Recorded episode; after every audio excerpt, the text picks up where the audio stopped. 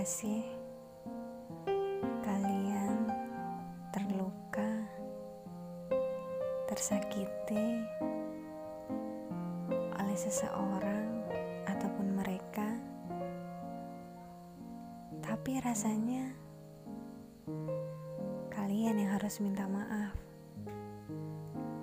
Kalian korbannya, tapi kalian yang merasa bersalah merasa tidak enak, sedangkan dia ataupun mereka merasa baik-baik saja, bahagia-bahagia saja, seakan-akan gak ada yang terjadi. Menyedihkan ya, kadang kita aja gak bisa ngertiin diri kita sendiri maunya apa mau kayak gimana?